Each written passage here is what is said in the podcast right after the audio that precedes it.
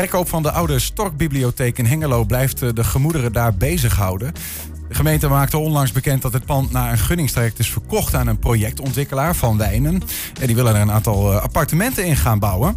Nou, op het gunningstraject komt nu vanuit verschillende hoeken kritiek. Het verkooptraject zou niet transparant zijn en daarmee is niet te controleren of het traject wel correct is uitgevoerd. Het college zou zich ook niet hebben gehouden aan een raadsbesluit over het verkopen van gemeentelijk onroerend goed. Dat uh, constateert althans het onafhankelijke Hengeloze raadslid Herbert Capelle en hij is bij ons in de studio. Herbert, goedemiddag. Goedemiddag. Even over dat gunningstraject. Hoe is dat uh, precies verlopen? Um, er is een makelaar geweest en die makelaar die heeft het uh, gecommuniceerd dat, het, uh, dat de plannen ingediend kunnen worden. Toen hebben er 22 partijen hebben daarop gereageerd. Daar is een voorselectie plaatsgevonden. Vijf gingen erdoor naar de tweede ronde, de gunningperiode. En daar is met behulp van een commissie uh, is de, zijn de plannen bekeken. En daar is dan Van Wijnen uitgerold. Mm -hmm. ja. Klinkt als een logische volgorde van taferelen. Maar er ging iets mis. Er ging iets mis, omdat namelijk um, de makelaar zelf zat ook in de selectiecommissie. De makelaar uh, ging over alle informatie. En de, de uh, winnende klant, of de winnende partij, is ook een klant van de makelaar. En ja, dat vind ik niet echt transparant. Hebben jullie daar zicht op gehad als raad, hoe dat is gegaan? Nee, natuurlijk niet. Uh, het is, op een gegeven moment is het is het verhaal gekomen, het, uh, er worden plannen voor ontwikkeld. Um, dat wordt zorgvuldig gedaan. En dan uh, ga je natuurlijk niet meteen bij voorbaat al, al afkappen. Hoe moet ik nou achteraf wel zeggen dat het ook wel gebrek aan visie is als je een mooi pand leegkomt. Dat je dan niet gaat rondkijken van nou wat kunnen we daar nou eigenlijk mee doen met mm -hmm. dat pand. Ja, dat is natuurlijk wel gedaan. Alleen er is een andere keuze gemaakt dan die heel veel hengeloers, um, waar heel veel hengeloers achter staan. Dus de commissie heeft een ander beeld gehad van wat goed is. De commissie heeft punten uitgedeeld. En dan kun je, nu kun je vragen stellen van uh, waarom hebben ze dan voor de. Want het ging met een weging van 40-60. 40%, 40 ging over prijs en 60% ging over kwaliteit, zeg maar. Ja. Of het idee. Nou, dan kwam, uh, was één hele goede partij, uh, Theater Kamak. Um, en het is eigenlijk heel onbegrijpelijk dat die slechter hebben gescoord met die in dat 60% deel. Mm. dan de winnende partij die met een vaag verhaal over urban farming aankomt. Is dat zo? Even over, als je het dus hebt over de inhoudspunten die je kon krijgen voor je idee. Heeft Kamak lager gescoord dan het winnende idee van die urban farming? Ja, dat is, dat is toch echt heel, heel erg onwaarschijnlijk. Maar toch is dat, is dat gebeurd. En ja, dat, dat, dat maakt dat ik uh, denk van ja, daar wil ik meer van weten. Ik wil die, die rapporten zien. Ik wil zien weten wie die punten heeft gegeven en waarom die punten zijn gegeven. Want als iemand aankomt met een vaag verhaal over urban farming en je zet een paar uh, potten aardbeienplant op het dak neer. Mm -hmm. Ja, waarom is dat, uh, is dat dan een goed, inhoudelijk goed plan? Dat geloof ik gewoon niet. Ja. Die makelaar zit in die selectiecommissie, in de jury die uiteindelijk heeft gekozen voor dit plan. Ja. Um, hoeveel mensen zitten daar nog meer in? Er zouden vijf uh, leden in zijn geweest. Drie ambtenaren vanuit verschillende disciplines. Maar welke disciplines dat zijn, dat weet ik niet. En uh, iemand van de erfgoedcommissie. En die heeft eigenlijk gewoon ja, ga kijken naar wat gaat er dan met het gebouw, uh, uiterlijk fysiek met het gebouw gebeuren. Ja, ja, ja. Nou, je zou zeggen dat die andere vier ook onafhankelijk besluiten. Dus uh, de, dan is niet alleen de makelaar degene met de grootste stem. Want daar zit volgens mij je grootste nou ja, twijfel. Kijk, je moet ook bedenken dat de winnende partij ook al twintig jaar een partner is van de gemeente Hengelo. Hè? Ze hebben dus uh, uh, een aantal jaren geleden het nieuwe stadskantoor helpen bouwen. En ze zit natuurlijk in het project uh, Hart van Zuid. Ja. Zitten ze al meer dan twintig jaar samen met de gemeente in. Dus ja. Maar is het, want um, op de zaken vooruitlopend, uh, alleen al zeg maar de schijn van dat hier mogelijk belangenverstrengeling in het spel is geweest, is niet goed. Nee, die schijn moet je vermijden. Want, dus, dus dan zou je zeggen, dan moet zo'n commissie niet bestaan uit mensen die zich op een of andere manier verhouden met de gemeente of met als makelaar, toch? Precies, dat is het punt. En dat is niet wat er, wat er gebeurd is.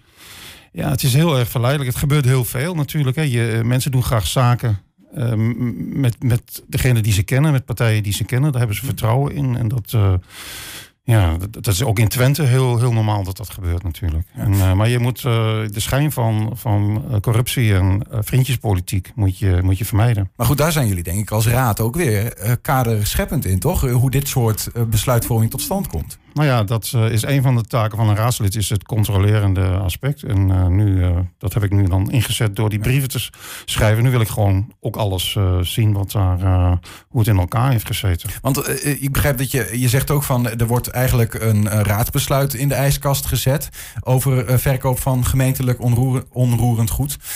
hoe zit dat precies?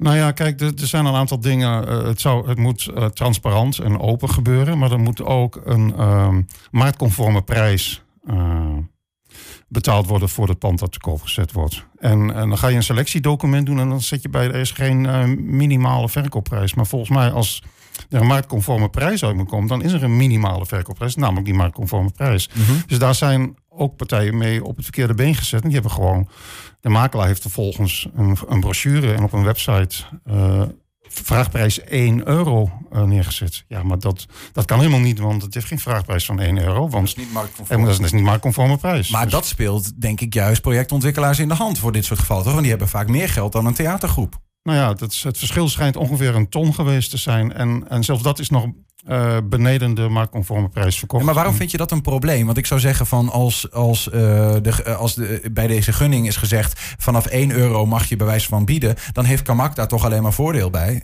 en geen nadeel.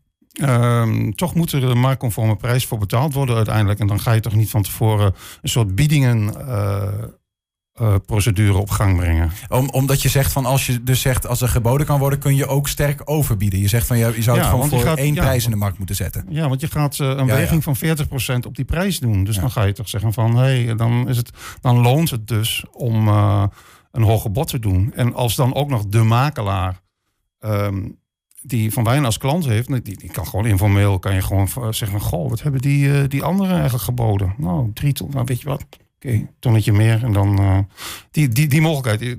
Het bestaat natuurlijk dat dat gebeurd is. Ja, maar dat, dat, dat, zijn ook best wel aantijgingen die je hier doet. Hè? Dat, dat er onder, onder water zeg maar belangenverstrengeling is. Maar is dat iets wat je... Het, is, het valt niet uit te sluiten. En, en daarom dus die transparantie. Dus je, je kan niet op deze manier een voordeel verschaffen... omdat je betere informatie hebt dan andere partijen. Dat is, dat is uh, concurrentievervalsing. Dat mag je... op de beurs niet en waar mag het hier wel? Nee, je, je, gaat, je gaat nu dus... Je wil eigenlijk zeg maar de onderste steen boven in dit verhaal. Dus je, wat, wat heb je allemaal opgevraagd aan documentatie?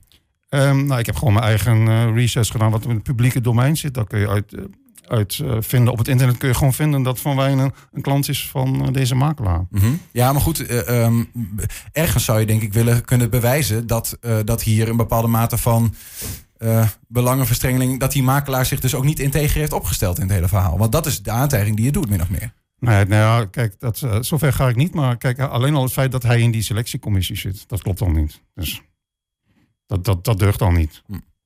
Dat is al belangenverstrengeling. Um, ja, wat, wat is dan nu eh, de, de, de, nog, nog, wat, wat zit er nog in de pen? Want uiteindelijk, um, er is een, er is een, uh, een, petitie opgesteld, die is ook flink ondertekend. Maar goed, onlangs is er een uh, raadsvergadering geweest waarin ook de wethouder heeft gezegd: ja, dit is gewoon, uh, dit, dit is een gedane ja. zaak. Ja, nou ja, de, de, de motie die ik en, en andere partijen hebben ook een, uh, een, motie ingediend en die zijn niet aangenomen. Maar als blijkt dat um, uh, het college zich niet aan de regels, eigen spelregels heeft gehouden, dan zal het toch teruggefloten moeten worden. Dat, dat kan nog.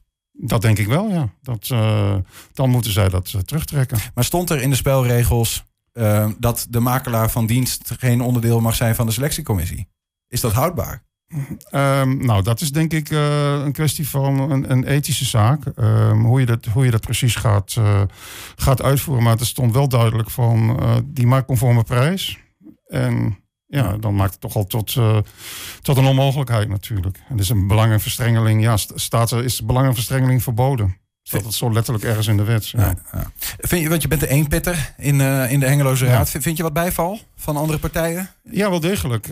Ja, ik vind wel degelijk bijvallen. Maar je hebt natuurlijk te maken met. Uh, nou, die is misschien beperkt tot een, een, derde van de raad. Of misschien nog iets minder dan een derde van de raad. Maar je hebt natuurlijk te maken met uh, coalitiepartijen. Die gaan sowieso niet dit college, een eigen college daarmee afstraffen. En het is nu ook een soort sollicitatiegesprek hè, voor uh, mensen die graag in een volgende ronde willen meeregeren. En die gaan zich nu niet heel erg uh, bestuursonvriendelijk opstellen. Dus dat is, uh, dat is ook nog een probleem. Dus dan heb je ja, die onafhankelijke eenpitters, zoals jij ze noemt, die geen eh, carrière op het plus willen. Die wel... eh, Ik proef een wat kritische houding jegens ons democratische stelsel, eh, of niet? Zoals dat nu gaat. Ehm, Nou, wat is het kritisch? Je moet er gewoon scherp op blijven. Ja, Eh, het is een, slecht systeem, maar is er een betere? Dat is de vraag. Zeker de vraag.